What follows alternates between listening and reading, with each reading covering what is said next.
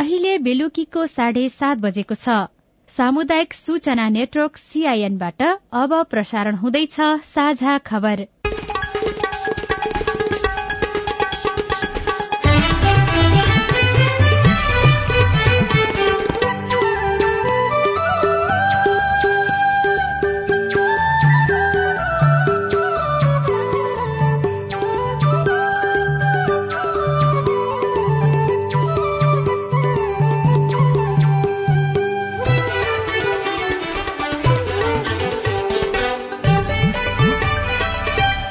सीआईएनको साझा खबरबाट लील प्रकाश चन्दको नमस्कार। साझा खबर देशभरिका सामुदायिक radio CIN Khabar dot com र मोबाइल एप सीआईएनमा पनि सुन्न सकिन्छ।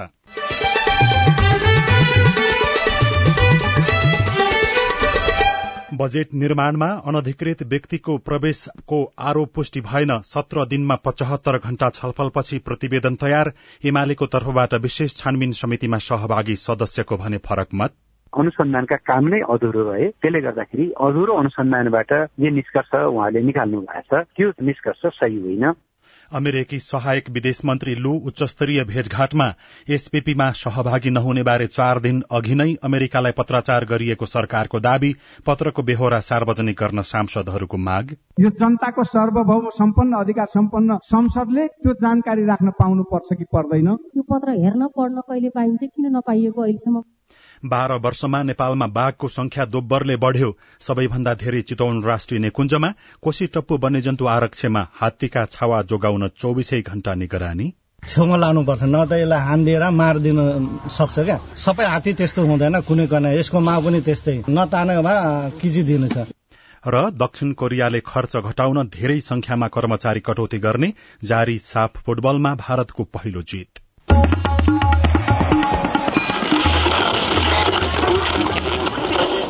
सयौं रेडियो। हजारौं रेडियो कर्मी र करोड़ौं नेपालीको माझमा यो हो सामुदायिक सूचना नेटवर्क सीआईएन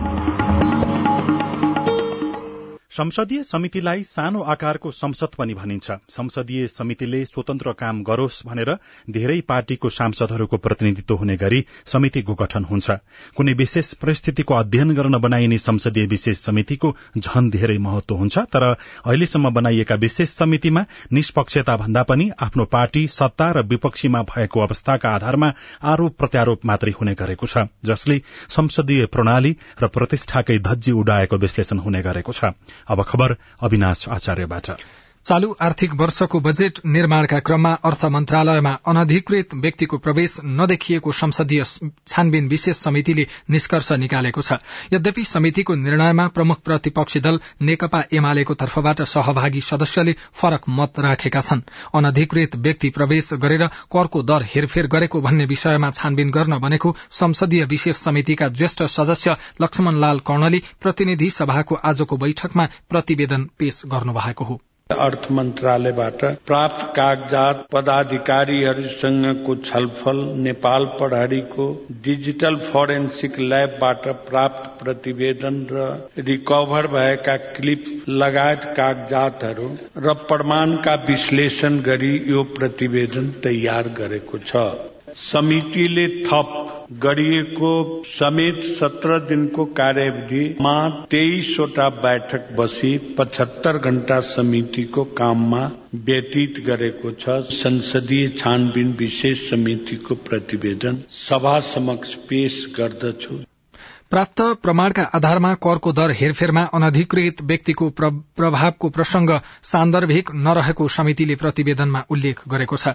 एमालेको तर्फबाट छानबिन समितिमा रहेका सदस्यहरूले अनधिकृत भनेर भनिएका व्यक्ति लगायत छानबिनको दायरामा रहेका व्यक्तिहरूको फोन कल विवरण र मोबाइल लोकेशन हेर्न नदिएको बताउँदै गहिरो अनुसन्धान गर्न माग गरेका छन्। सीआईएनसँग कुरा गर्दै समितिका सदस्य प्रदीप गेवालीले भन्नुभयो हाम्रो भनाइ के हो भनेदेखि सिसिटिभी फुटेजलाई सुरक्षित नगरिएपछि अनुसन्धानका लागि अरू माध्यमहरू अवलम्बन गरिनु पर्थ्यो। जस्तो अनधिकृत भनिएका व्यक्ति र अर्थमन्त्री बीचमा टेलिफोन संवाद भयो कि भएन भन्ने बारेमा कल डिटेल अनि त्यस दिन बजेट बनाउने बेलामा ती अनधिकृत व्यक्तिको लोकेसन र त्यस दिन मन्त्रालयमा रहेका जति पनि कर्मचारीहरू छन् ती सबैको बयान लिनु पर्थ्यो तर त्यसमा अवरोध भयो अथवा त्यसमा चाहिँ प्रवेश गर्न पाइएन भन्ने हाम्रो भनाइरह्यो तपाईँहरू पनि त्यही समितिमा हुनुहुन्थ्यो। त्यसबारे चाहिँ किन छानबिन गर्न पाइएन? त्यसमा चाहिँ समितिभित्र सर्वसम्मति हुन सकेन। सत्तापक्षका विभिन्न मान्यजीहरूले यो व्यक्तिको गोपनीयतासँग जोडिएको विषय हो। त्यसबारे यसमा जानु मिल्दैन भनेर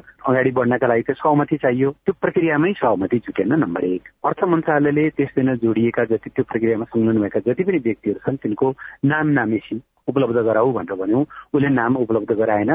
त्यसपछि को को थिए त्यो अन्तिम दिनमा राति को को थिए उनीहरूसँग सोधपुछ गर्ने सम्बन्धित व्यक्तिहरू नै हामीले उनीहरूको नामावली नै पाउन सकेनौँ होइन? अनुसन्धानका काम नै अधुरो रहे। त्यसले गर्दाखेरि अधुरो अनुसन्धानबाट जे निष्कर्ष उहाँले निकाल्नु भएको छ त्यो निष्कर्ष सही होइन। अपराध अनुसन्धानमा चाहिँ पोख्त विज्ञहरू सहितको चाहिँ समिति बनाएर यो अध्ययन चाहिँ गर्नुपर्छ। अहिले जे जति तथ्य प्राप्त भए अथवा जे जति हामीले अध्ययन गर्यौँ त्यतिको आधारमा चाहिँ कोही अनधिकृत व्यक्ति प्रवेश गरेकै थिएन भनेर चाहिँ निष्कर्ष निकाल्न मिल्दैन भन्ने हाम्रो भनाइ हो। संसदीय छानबिन समितिको निष्कर्षसँगै नेकपा माओवादी केन्द्रले भने अर्थमन्त्रीमा जनार्दन शर्मालाई नै नियुक्त गर्नुपर्ने बताएको छ। सीआईएनसँग कुराकानीमा कुराकानी गर्दै नेता गिरिराज मणि पोखरेलले भन्नुभयो। पार्टीमा हामीले छलफल गरिसकेका छैनौं किनभने आज मात्रै चाहिँ समितिले टोलीले आफ्नो रिपोर्ट बुझायो। सामान्यतः यो विषय उठेपछि संसदीय छानबिन समिति बनिसकेपछि अर्थमन्त्रीको हैसियतले उहाँले राजीनामा दिनुभएको थियो। अब पुष्टि नभइसकेपछि स्वाभाविक ढंगले अर्थमन्त्रीमा पुनर्बहाली गरिनु पर्दछ भन्ने मलाई लाग्छ। चालू आर्थिक वर्षको बजेट बनाउँदा अनधिकृत व्यक्तिलाई सहभागी गराएको आरोप लागेपछि गत असार बाइसमा जनार्दन शर्माले अर्थमन्त्रीबाट राजीनामा दिनुभएको थियो। नेपाल सरकारले अमेरिकी रक्षा साझेदारी स्टेट पार्टनरशिप कार्यक्रम एसपीपी अघि नबढ़ाउने आफ्नो निर्णयबारे संयुक्त राज्य अमेरिकालाई औपचारिक रूपमा जानकारी गराइसकेको दावी गरेको छ। परराष्ट्र मन्त्री नारायण खड्गाले प्रतिनिधि सभाको आजको बैठकमा गएको असार छ गते मन्त्री परिषदले गरेको निर्णयबारे अमेरिकी सरकारलाई साउन नौमा नै जानकारी गराइएको बताउनु भएको हो। अमेरिकी सहायक विदेश मन्त्री डोनाल्ड लू दुई दिने नेपाली भ्रमणमा रहँदा एसपीपी बारे गरिएको पत्राचारबारे परराष्ट्र मन्त्रीले संसदमा जानकारी गराउनु भएको हो। तर सांसदहरूले एसपीपी बारे अमेरिकालाई पठाए पठाएको पत्र सार्वजनिक गर्न माग गरेका छन्। नेपाल सरकारले अमेरिकालाई पठाएको पत्र सदनमा पढेर सुनाउन सांसदहरूले माग गरेका हुन्। एसपीपी को पत्र हामीले श्रावण नौ गते हामी गर्दैनौ भनेर लेखिसक्यौं भन्नुभयो। यो सदनले यो पत्रको बारेमा जानकारी राख्न पाउँछ कि पाउँदैन? के के शब्दहरू लेखेर पठाउनु भयो यो जनताको सार्वभौम सम्पन्न अधिकार सम्पन्न संसदले त्यो जानकारी राख्न पाउनु पर्छ कि पर्दैन? मन्त्रीजीले एसपीपी अस्वीकार गर्ने सरकारको निर्णयको कारण गरिसक्यौँ र पत्र पनि पठाइसकेको भनेछौँ हामी संसदका सार्वम सदस्यहरूले यो पत्र हेर्न पढ्न कहिले पाइन्छ किन नपाइएको अहिलेसम्म म एउटा जिज्ञासा सोध्न चाहन्छु। एसपिबीमा सहभागी नहुने निर्णय सहितको पत्र श्रावण नौ गते पठाइयो भन्ने कुरा जानकारी आयो। यो पत्र संसदमा पढेर सुनाउन मिल्छ त भनेर मैले मन्त्रीज्यूलाई सोध्न चाहे। यसैबीच प्रधानमन्त्री शेरबहादुर देउबा र अमेरिकी सहायक विदेश मन्त्री डोनाल्ड लू बीच आज भेटवार्ता भएको छ। तीन दिने नेपाल भ्रमणमा रहनुभएका लूले प्रधानमन्त्री देउबासँग सरकारी निवास बालुवाटार पुगेर भेटवार्ता गर्नुभएको हो। त्यसअघि लूले आज नै परराष्ट्र मन्त्री डाक्टर नारायण खड्गासँग पनि भेटवार्ता गर्नुभएको थियो। काठमाडौँ स्थित अमेरिकी राजदूतावासका अनुसार दुवै भेटवार्तामा अमेरिका र नेपाल बीचको सम्बन्धका विषयमा छलफल भएको छ।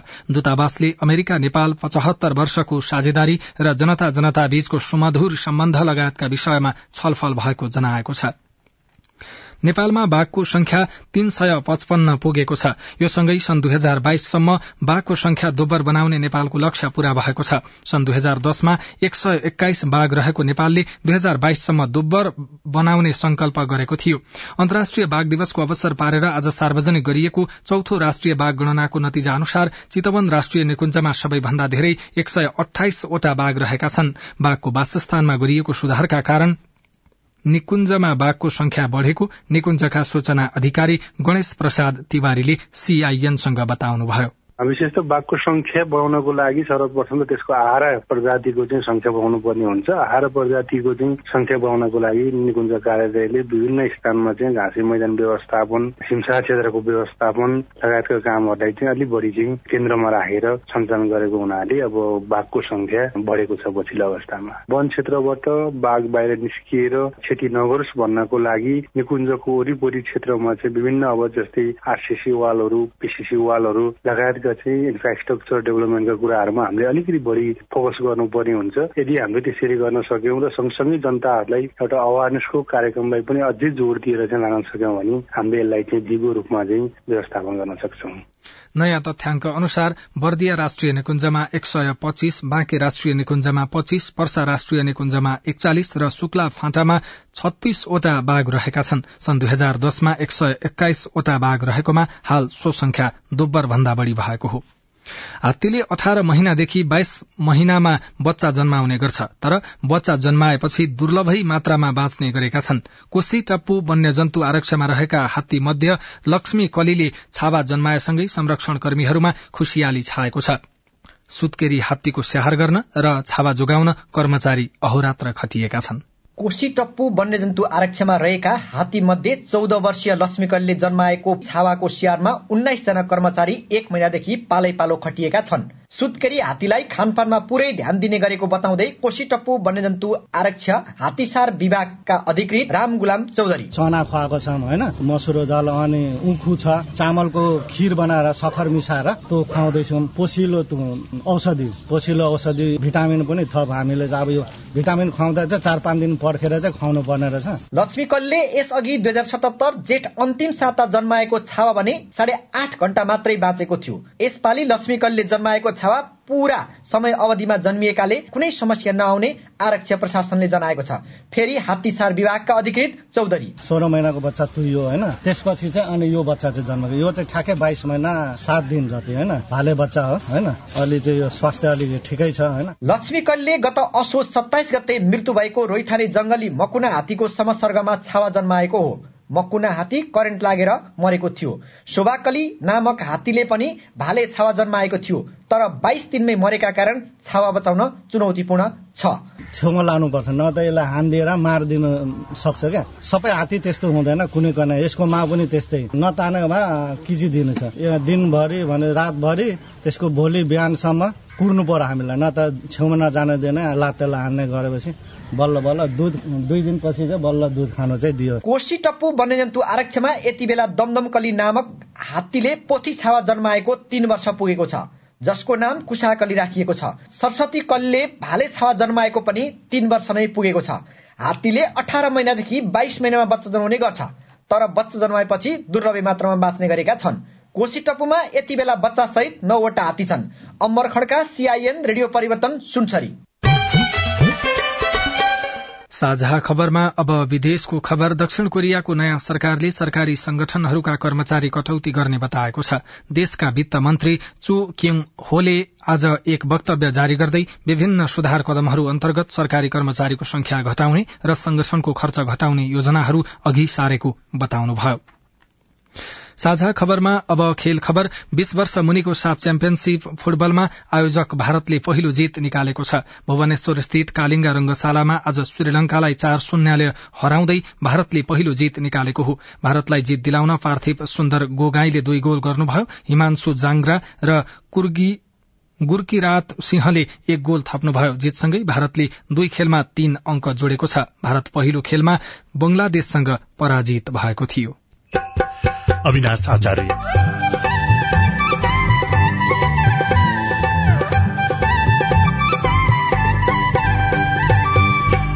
हिमाली जिल्लामा परीक्षा चल्दै पाठ्य पुस्तकको भने अभाव। किताबै छैन र समस्या भएको छ त पढ्न समस्या भएर अब मौखिक दिन्छौँ जे हुन्छ त्यही। डिलरलाई गएर सोधेको पुस्तक आएको छैन भन्छ एकदम समस्या भएको छ पढाइमा। पुराना पुस्तक पनि उनीहरूले कलेक्सन गर्न नसकेर एकदम समस्या भएको छ। सरोकारवाला निकायको व्यवस्थाका कारण समस्या भएको विद्यालयको गुनासो रिपोर्ट कृषि बाली बीमामा सुविधा धेरै तर जानकारीको अभाव। लगायतका विशेष सामग्री बाँकी नै छन्। सीआईएनको साझा खबर सुन्दै गर्नुहोला। बालबालिकालाई लगाउँदै गरेको खोपमा चाहिँ बालबालिकाहरू कहाँ गएर लगाउनु पर्ने र खोप लगाउन जाँदा के के लिएर जानु पर्ने त्यसबारे बताइदिनुहोस् न। मेरो जिज्ञासा के छ भनेपछि हामी विद्यार्थीहरू एकदमै जोखिममा छौँ तर पनि हामीहरूले समयमा खोप उपलब्ध हुन सकेको छैन। कोभिड बारे तपाईँको चासो अब हाम्रो पालोमा। कोभिडसँग जोडिएका थुप्रै बालबालिका तथा युवाहरूका प्रश्न र सरकारवालाको जवाब सहित हरेक आइतबार साँझको साझा खबरमा प्रस्तुत भइरहेको छ हाम्रो पालो। कोभिड पछि घरको बसाई बाल तथा युवा मस्तिष्कमा पर्ने प्रभाव यसले मनोविज्ञानमा पारेको असर कोभिडमा मानव सुरक्षा र कोभिड विरूद्धको खोप लगायत तपाईँलाई लागेको विषयमा हाम्रो आइभीआर नम्बर शून्य एक बान्न साठी छ चार छमा प्रश्न गुनासो तथा प्रतिक्रिया रेकर्ड गराउनुहोला। सरोकारवाला निकायको जवाब सहितको हाम्रो पालो देशभरिका सामुदायिक रेडियोमा प्रसारण भइरहेको छ।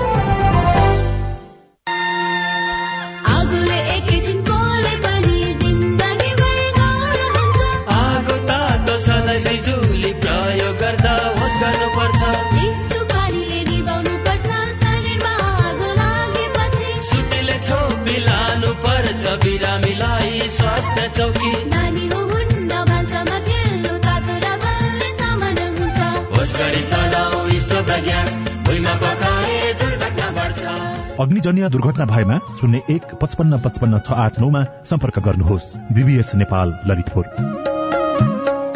सामाजिक रूपान्तरणका लागि यो हो सामुदायिक सूचना नेटवर्क सीआईएन तपाई सामुदायिक सूचना नेटवर्क सीआईएनले तयार पारेको साझा खबर सुन्दै हुनुहुन्छ। पछिल्लो चौविस घण्टामा सात सय दस जना कोरोना संक्रमित थपिएका छन्। देशभर गरिएको दुई हजार पाँच सय एकचालिस पीसीआर र दुई हजार चार सय चौरासी जनाको एन्टिजेन परीक्षणका क्रममा सात सय जनामा संक्रमण पुष्टि भएको स्वास्थ्य तथा जनसंख्या मन्त्रालयले जनाएको छ। चौविस घण्टामा दुई सय पन्ध्र जना संक्रमित निको भएका छन्। यो सँगै देशभर निको हुनेको संख्या नौ लाख उनासत्तरी हजार दुई सय उन्नाइस पुगेको उक्त अवधिमा दुई जना कोरोना संक्रमितको मृत्यु भएको छ। यो सँगै कोरोना संक्रमणका कारण मृत्यु हुनेको संख्या एघार हजार नौ सय बैसठी पुगेको पनि स्वास्थ्य मन्त्रालयले जनाएको छ। सर्वोच्च अदालतले संवैधानिक पदाधिकारीको नियुक्ति विरूद्ध परेको मुद्दामा सरोकारवालाहरूसँग जवाब माग्न र मागिएका सबै कागजात मिसिलमा संलग्न गर्न आदेश दिएको छ। हरेक पटक सुनवाईका क्रममा कतै न कतै त्रुटि भएको अनि आवश्यक कागजात समेत पेश भएको नदेखिएपछि संवैधानिक इजलासले आफ्नै प्रशासनलाई यस्तो आदेश दिएको हो। सर्वोच्च अदालतले पदाधिकारीहरूको नियुक्ति न्याय परिषदका सदस्यको विवादित नियुक्ति र सम्बन्धित अध्यादेशको विषयलाई परेका सबै रिट निवेदनहरूलाई एकसाथ सुनवाईका लागि लगाउन आदेश दिएको हो। सर्वोच्चले विपक्षी बनाइएका पदाधिकारीहरू संलग्न सबै निकायबाट पनि लिखित जवाब झिकाउन आदेश दिएको छ। शैक्षिक सत्र शुरू भएको दुई महिना बित्यो तर दुर्गम हिमाली जिल्ला हुम्लाका विद्यार्थीले अझै पाठ्य पुस्तक पाएका छैनन्। जिल्ला बाहिरबाट आउनुपर्ने नयाँ पाठ्य पुस्तक अहिलेसम्म पनि नपुगेपछि अधिकांश विद्यालयका विद्यार्थी पाठ्य पुस्तक बिनै विद्यालय जाने गरेका छन्। पनि पुगेको छैन। किताबै छैन र समस्या भएको छ साथीहरूको पुरानो किताबबाट पाठ्य पुस्तक पढिरहेछौँ किताबै छैन किताब पढ्न समस्या भएर अब मौखित दिन्छौँ जे हुन्छ त्यही। हुम्ला जिल्ला सदरमुकाम सिमकोटको मानस र माध्यमिक विद्यालयको कक्षा छमा अध्ययनरत विकास जेठारा र बालमन्दिर माध्यमिक विद्यालय कक्षा पाँचका शैलेन्द्र महत किताब बिना पठन पाठनमा सहभागी हुँदाको अनुभव सुनाउँदा खिन्न देखिनुहुन्छ। विकास र शैलेन्द्र मात्र होइन पाठ्य पुस्तक बिनै जिल्लाका विद्यालयले प्रथम त्रैमासिक परीक्षा चलाइरहेका छन्। मान्छे नमुना माध्यमिक विद्यालयका प्राचार्य अमर बहादुर साई। धेरैचोटि डिलरलाई गएर सोधेको पुस्तक आएको छैन भन्छ सलिसल्लाहमा छ हामी ढुवानी गर्न पाएको छैन भन्छ र आठ कक्षा पनि हामीले अस्ति गएर पहल गर्दाखेरि पेसा व्यवसाय र कम्प्युटर मात्र आएको छ। यसले गर्दा हामीलाई एकदम समस्या भएको छ पढाइमा। पुराना पुस्तक पनि उनीहरूले कलेक्सन गर्न नसकेर एकदम समस्या भएको छ। पाठ्य पुस्तक ढुवानीका लागि गाउँपालिका जिल्ला प्रशासन कार्यालय र शिक्षा विकास तथा समन्वय इकाइ हुम्लामा गुहार गर्दा पनि विद्यालयले पाइसकेका छैनन्। सिमकोट गाउँपालिकाका अध्यक्ष विजय भण्डारी। साझा प्रकाशनले यो स्टेनरीहरूलाई यो ठेका लाएर यो पाठ्य पुस्तक ल्याउनको निम्ति उनीहरूले ठेका लाउने। त्यो ठेका लाउनेमा पनि सिमीकोट नामखा र खारकुनाथ गाउँपालिकाको ढोका स्टेनरी सेन्टर भन्ने छ। त्यसको प्रोपराइटरलाई पनि हामीले बारम्बार हामीले ताकेता गर्यौं उसले बेला बेला ल्याउँछु ल्याउँछु भन्दै उसले केही समय टार्यो। पहिला पनि हामीले सिडिओ कार्यालयलाई पनि हामीले अनुरोध गरेका थियौँ। हामी फेरि पनि उहाँलाई हामीले यो पुगेन त्यो ठेकादारलाई झिकाएर ताकेता गरिदिनु पर्यो भनेर अनुरोध गरेका छौँ। ताकेता गरेका छौँ। पाठ्य पुस्तक ढुवानी गर्ने जिम्मा लिएका व्यवसायी प्रतिनिधिहरूले ढिला हुनुको कारण पाठ्य पुस्तक छपाई नभएको र हवाई जहाज नचल्नु हो भन्दै पटक पटक टार्दै गर्दै आएका छन्। रोकाया पुस्तक पसल सिमकोटका सञ्चालक ज्ञान बहादुर रोकाया जनशिक्षा अफिसमा माथि म छापिएरै हो अनि छापिएर त अस्ति आयो बिचबाटोको आएको सबै पुगिसक्यो अनि तलबाटै नदिएको किताबमा चाहिँ बाँकी रहेको। अब आउने कि अब थोरै पिस छ अब थोरैको विद्यालयको लागि। अनि जहाँसँग कुरा गरेर अब भोलि सिधा गुमा हुन्छ कहिले ल्याउने कुरा भइरहेको छ। दुई वर्षभन्दा धेरै समयसम्मको कोरोना कहरले बन्द भएका हुम्लाका विद्यालयले गएको शैक्षिक सत्र तीन महिना पढेर अन्तिम परीक्षामा विद्यार्थीलाई सहभागी गराउनु पर्यो। चालु शैक्षिक सत्रमा असार एक गतेदेखि भौतिक रूपमै विद्यालय सञ्चालनमा आए पनि तीन महिनासम्म पनि विद्यार्थीको हातमा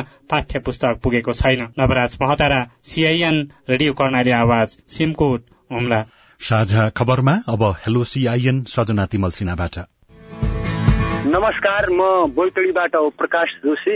मैले यसपालि एसई दिएको विद्यार्थी हुँ र मैले गणित र अङ्ग्रेजीमा डी ल्याएको छु। अब मैले यसको लागि कहिलेसम्म दोस्रो चोटि परीक्षा दिनुपर्छ कहाँ दिनुपर्छ र यसको मिति कहिले सार्वजनिक हुन्छ?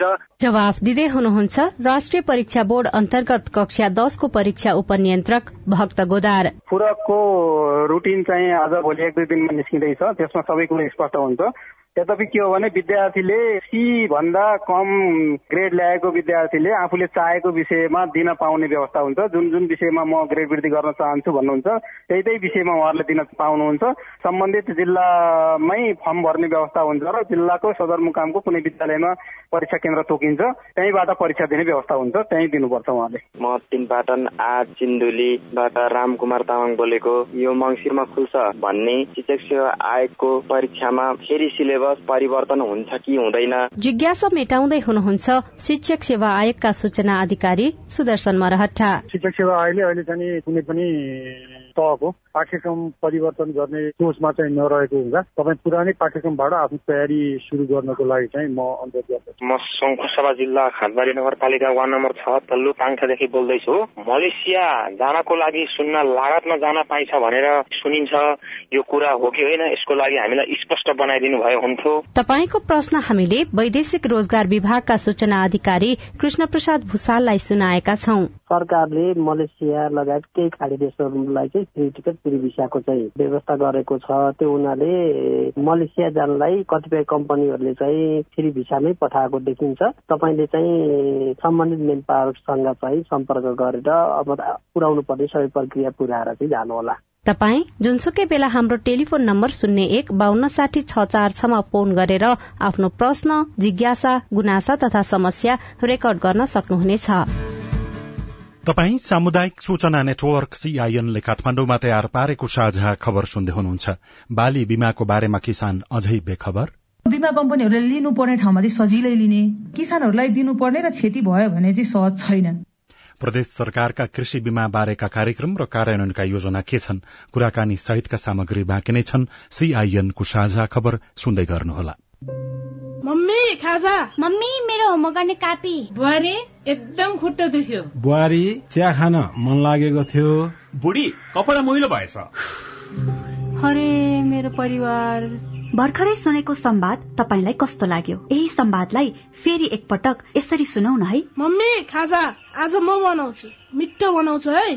मम्मी मेरो होमवर्क गर्ने कापी मैले खोजिसके। अब म होमवर्क गर्छु। बुहारी एकदम खुट्टा दुख्यो। छोराले तेल तताएर लगाइदिएपछि अलि आराम भयो। बुहारी चिया खान मन लागेको थियो। सबैको लागि बनाएको छु। आऊ सबैजना खान। बुढी कपडा मैलो भएछ। घर नि कस्तो फोहोर। कपडा धोएर भ्याए। अब घर सफा गर्छु। कोरोनाको महामारीबाट बस्न पनि त सरसफाई जरुरी छ नि। आहा मेरो परिवार। तपाईँलाई दोस्रो संवाद कस्तो लाग्यो? पक्कै राम्रो लाग्यो। हो तपाईँ हामी बीच जिम्मेवारी बोध भयो भने एक अर्का बीचको निकटतालाई अझ राम्रो बनाउन सकिन्छ। बाढी चोडी जिम्मेवारी परिवारमा समझदारी। महिला बाल बालिका तथा ज्येष्ठ नागरिक मन्त्रालय युएन ओमन ल्याक र अकुराबको सहकार्य। सामाजिक रूपान्तरणका लागि यो हो सामुदायिक सूचना नेटवर्क सीआईएन तपाई सामुदायिक सूचना नेटवर्क सीआईएनले काठमाडौँमा तयार पारेको साझा खबर सुन्दै हुनुहुन्छ। अब कृषि विशेष सामग्री बाली तथा पशुपन्छी बीमा निर्देशन दुई हजार उनसत्तरी जारी गर्दा चारवटा बीमा लेख जारी गरी कृषि बीमाको शुरूआत गरिएको थियो। बाली र पशुपन्छीको बीमा गर्ने प्रक्रिया एउटै भए पनि कुल बीमाको करिब सात प्रतिशत मात्रै बाली बीमा हुने गरेको छ। अदुवा गानु बुने रोगले बिग्रियो भने दुई रोपनीको कति हुने भयो? इन्टु तीस हजारले गुणन गर्यो त्यति धाबी पाइहाल्यो। बाँदर बँदेल दुम्सी लगायतका जंगली जनावर बेमौसमी वर्षा खडेरी असिना शीतलहर हावाहुरी लगायतका कारण किसानले लगाएको कृषि बालीमा वर्षेनी क्षति पुग्छ। यस्ता क्षतिबाट जोगिन बाली बीमा गर्दा लाग्ने शुल्क मध्ये अस्सी प्रतिशत प्रिमियम सरकारले नै तिरिदिन्छ। बीमा गरेको बालीमा क्षति पुगे नब्बे प्रतिशत क्षतिपूर्ति किसानले पाउँछन्। तर किसानहरू भने यसबारे बेखबर छन्। मेरो नाम राधा पराजुली हो। म सरलाईमा बस्दछु। असिनाले खाए पनि जस्तो जे भए पनि अब खपेरै बस्नु परेको छ। यसपालिको मकै बाली पनि केही भएन। कृषि बीमा भनेकोमा मलाई पनि केही थाहा छैन। बीमा समितिका अनुसार पछिल्लो आठ वर्षमा एक खर्ब सोह्र अर्ब पैंतालिस करोड़ दस लाख बराबरको पशु पंक्षीको बीमा हुँदा सात अर्ब चौसठी करोड़ त्रिपन्न लाख अर्थात करिब सात प्रतिशत मात्रै कृषि बालीको बीमा भएको छ। किवी फल उत्पादन गर्ने दोलखाका किसान उषा थापा। बिमा कम्पनीहरूले लिनुपर्ने ठाउँमा चाहिँ सजिलै लिने किसानहरूलाई दिनुपर्ने र क्षति भयो भने चाहिँ सहज छैन बीमा समितिका अनुसार तरकारी च्याउ धान आलु फलफूल अलैची तथा मौरीको बीमा लागतका आधारमा अनि उखु अन्नबिउ चैते धान अदुवा बेसार चिया कफी सुन्तला जुनार कागती लगायतका बालीको उत्पादनका आधारमा बीमा गर्न सकिन्छ। गोलभेडा काँक्रो काउली बन्दा सहितका उनपचास थरीका तरकारीको बीमा पनि उत्पादनकै आधारमा हुन्छ। किसानलाई बीमाको पहुँचमा पुर्याउन सरकारले एउटा बीमा कम्पनीलाई चारवटा जिल्ला तोकेर उन्नाइसवटा बीमा कम्पनीलाई सतहत्तरवटा जिल्लामा खटाएको छ। किसानहरू भन्छन् बीमा कम्पनी अनि बीमा गराउन खटिने अभिकर्ता पहुँचमा छैनन्। बीमा समितिका प्रवक्ता राजु रमण पौडेलको भनाई यस्तो छ। बिमा गर्नकै लागि हामीले जिल्ला भाग लगाइदिएका छौँ उसले त्यो जिल्लामा बिमा गर्नै पर्छ अनिवार्य रूपमा गर्नुपर्छ प्राप्त पनि गरिदिइसकेको छ। बालीको बीमा गरेपछि क्षति भएमा किसानले नब्बे प्रतिशतसम्म क्षतिपूर्ति पाउँछन्। यही विषय सरकारले किसानलाई बुझाउनु पर्ने कृषि विभागका पूर्व महानिर्देशक डाक्टर डिलिराम शर्माको सुझाव छ।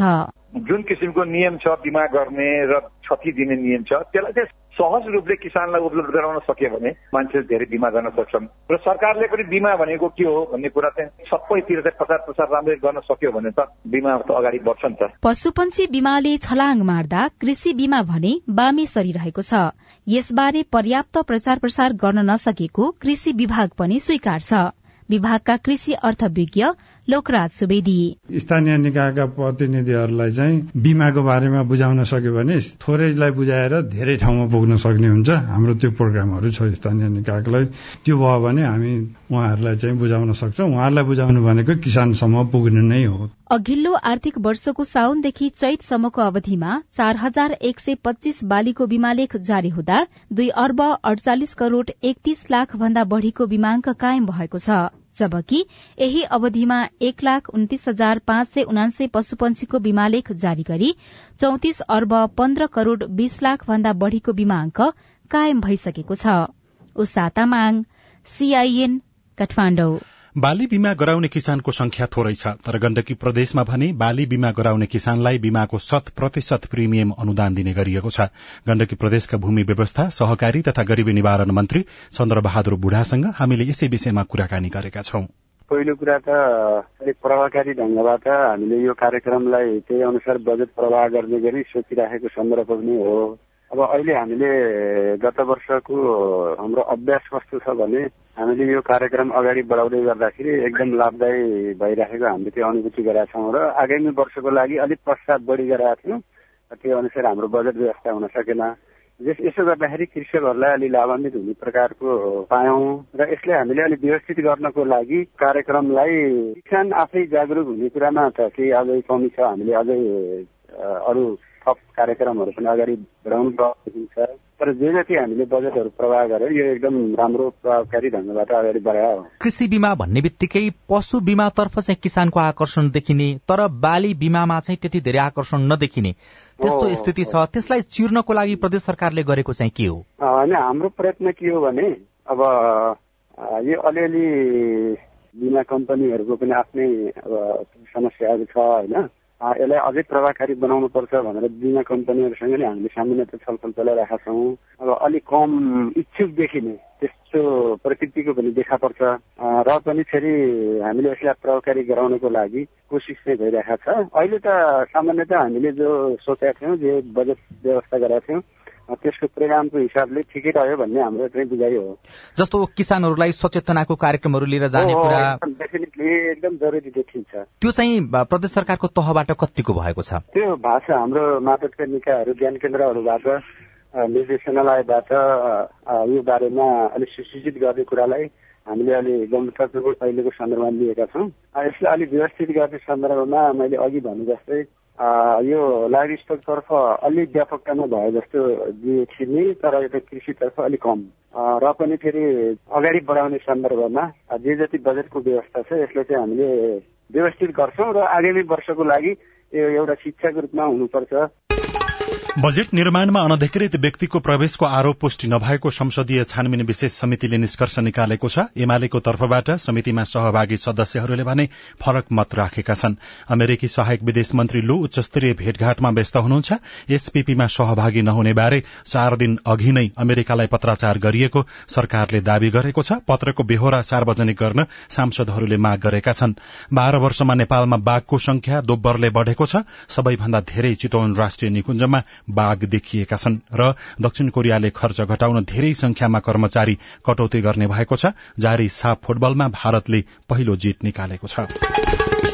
हवस् आजलाई साझा खबरको समय सकियो। प्राविधिक साथी सुरेन्द्र सिंहलाई धन्यवाद। भोलि साउन चौध गते बिहान छ बजेको साझा खबरमा फेरि भेटौँला। अहिलेलाई लील प्रकाश चन्द पनि विदा हुन्छु। नमस्कार शुभरात्री।